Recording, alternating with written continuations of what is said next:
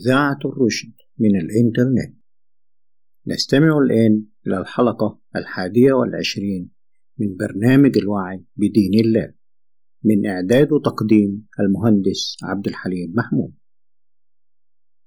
عزيزي المستمع نرحب بكم في حلقة اليوم الأربعاء التاسع عشر من المحرم 1444 هجري والموافق السابع عشر من أغسطس 2022 ميلادي. موضوع الحلقة هو إثبات أن طاعة الرسول ليست هي طاعة السنة النبوية. دعونا نرحب أولا بضيف البرنامج الحاج عبده. مرحب بيك يا باشمهندس.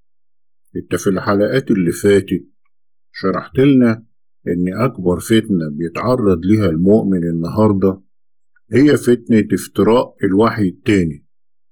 وإن الفتنة دي اتعرض ليها الرسول نفسه صلى الله عليه وسلم.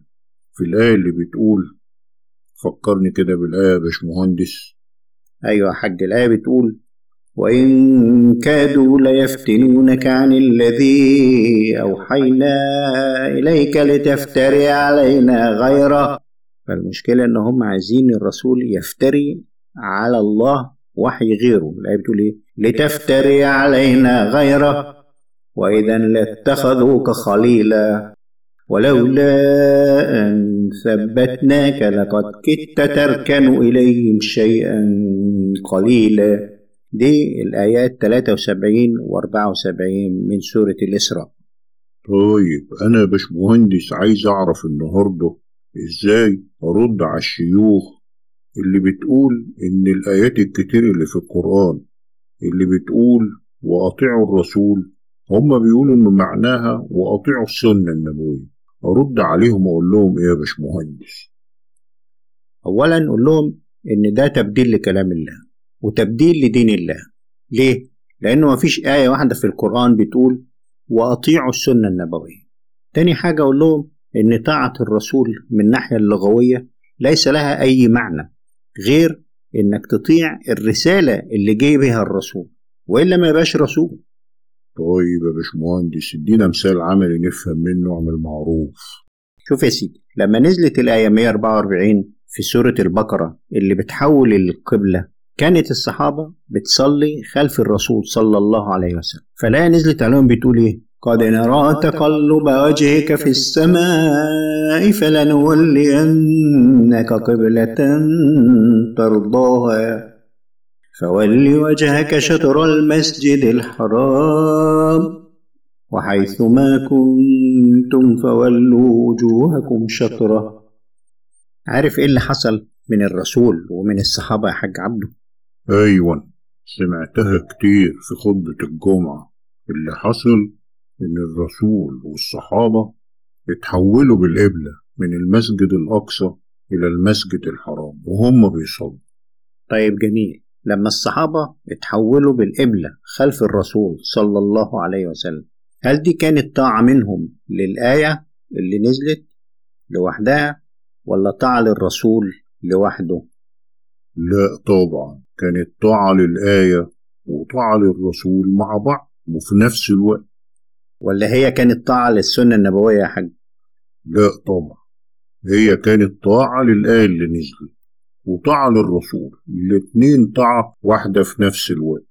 جميل. إذا احفظ القاعدة دي يا حاج إن طاعة الله وطاعة الرسول هما الاتنين طاعة واحدة لنفس الأمر وليست طاعتين مختلفتين لأمرين مختلفين. صح يا حاج؟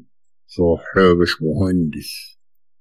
طيب لما تكون الطاعتين لنفس الأمر يبقى الأمر ده صادر من الله للرسول ولا صادر من الرسول إلى الله؟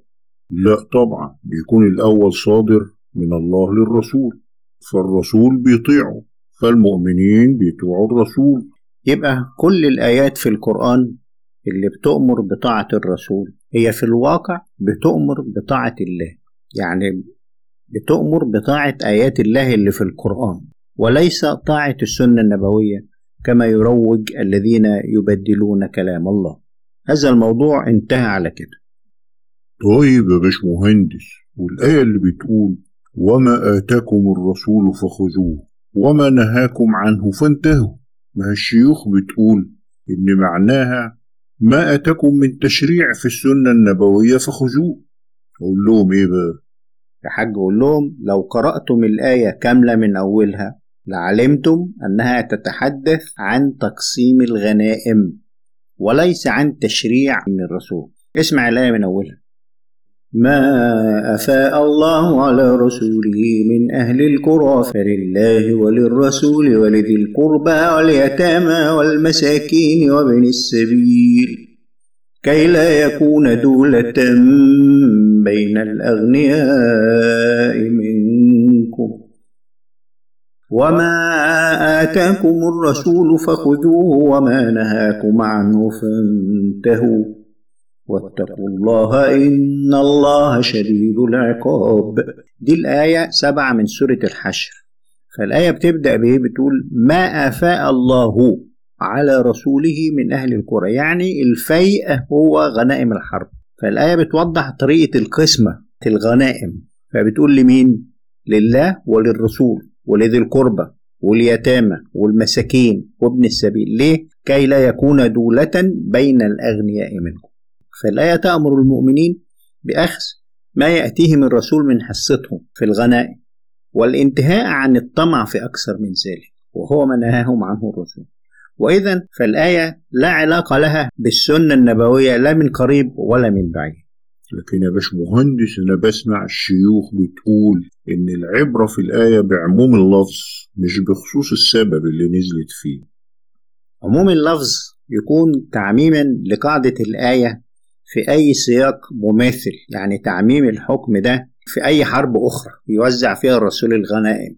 لكن عموم اللفظ لا يمتد لسياق مخالف فيحرف الدور الذي يقوم به الرسول في سياق توزيع الغنائم لينشئ به دور جديد للرسول لم يذكر في القرآن كله وهو دور تشريع أو دور بيشرك الرسول نفسه مع الله في التشريع. فده تحريف لكلام الله من بعد مواضعه يعني أنت بتاخده من سياقه وتحطه في السياق تاني. وهؤلاء قال الله فيهم يا أيها الرسول لا يحزنك الذين يسارعون في الكفر من الذين قالوا من الذين قالوا آمنا بأفواههم ولم تؤمن قلوبهم. ومن الذين هادوا سماعون للكذب سماعون لقوم آخرين. سماعون لقوم آخرين لم يأتوك يحرفون الكلم من بعد مواضعه. يقولون إن أوتيتم هذا فخذوه وإن لم تؤتوه فاحذروا. يعني بالظبط زي اللي بيحصل. في هذا السياق اللي بنتكلم فيه. هم عاوزين ياخدوا حاجة من القرآن وحاجة من السنة ومفيش فتنة للناس أكتر من كده. عشان كده الآية بتقول إيه؟ ومن يرد الله فتنته فلن تملك له من الله شيئا أولئك الذين لم يرد الله أن يطهر قلوبهم لهم في الدنيا خزي ولهم في الآخرة عذاب عظيم كل دي كانت الآية 41 من سورة المائدة.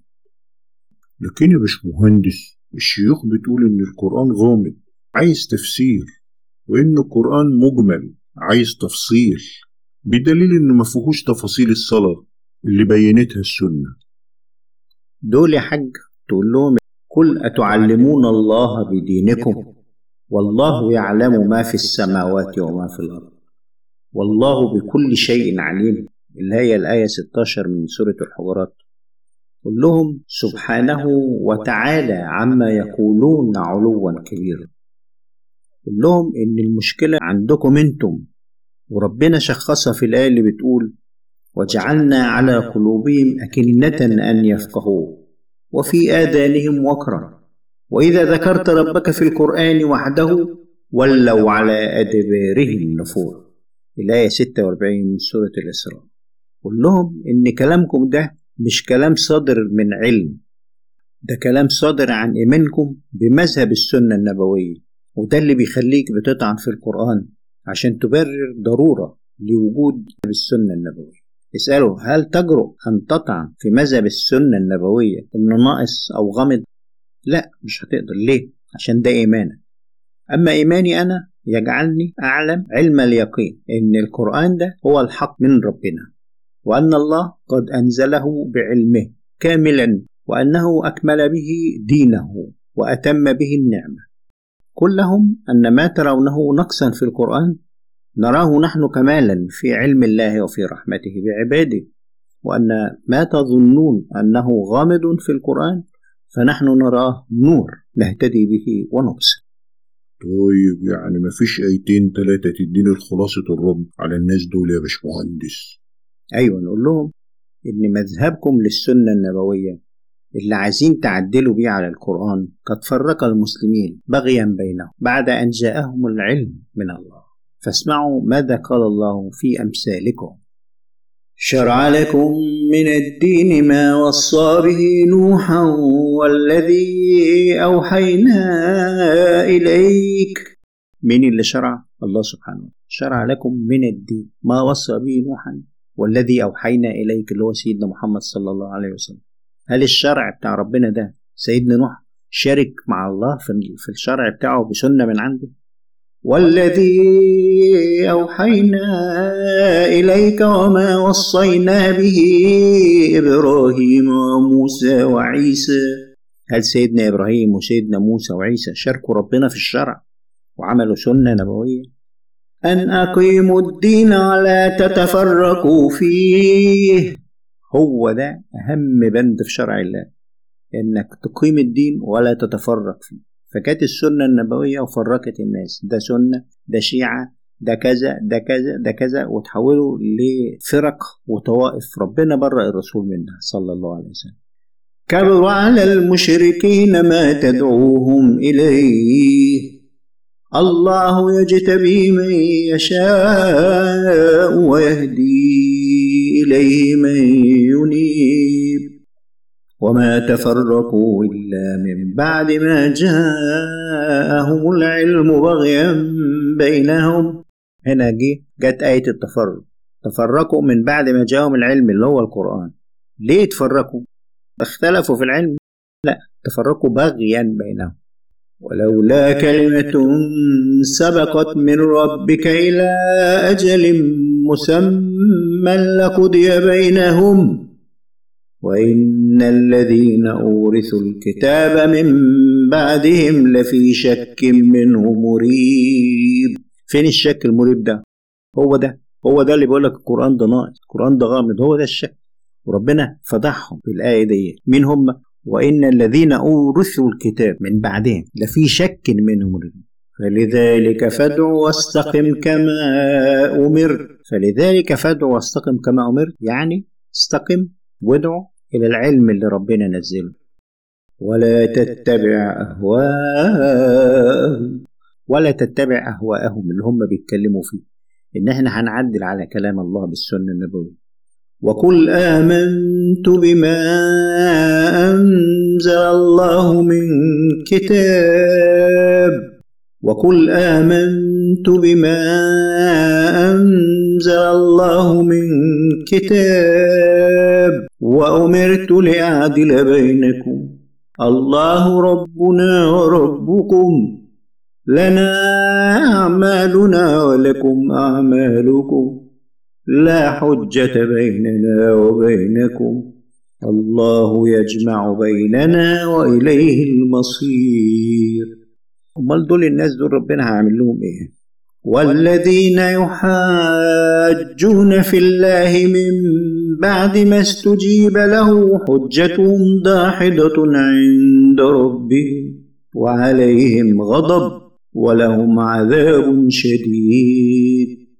الله الذي أنزل الكتاب بالحق والميزان. اللي يقول لك إن الكتاب ده ناقص وغامض قل له الله الذي أنزل الكتاب بالحق والميزان. دي الآيات من 13 ل 17 في سورة الشورى وده أحسن رد يرد بيه على اللي بيقول إن كتاب الله ناقص أو غامض.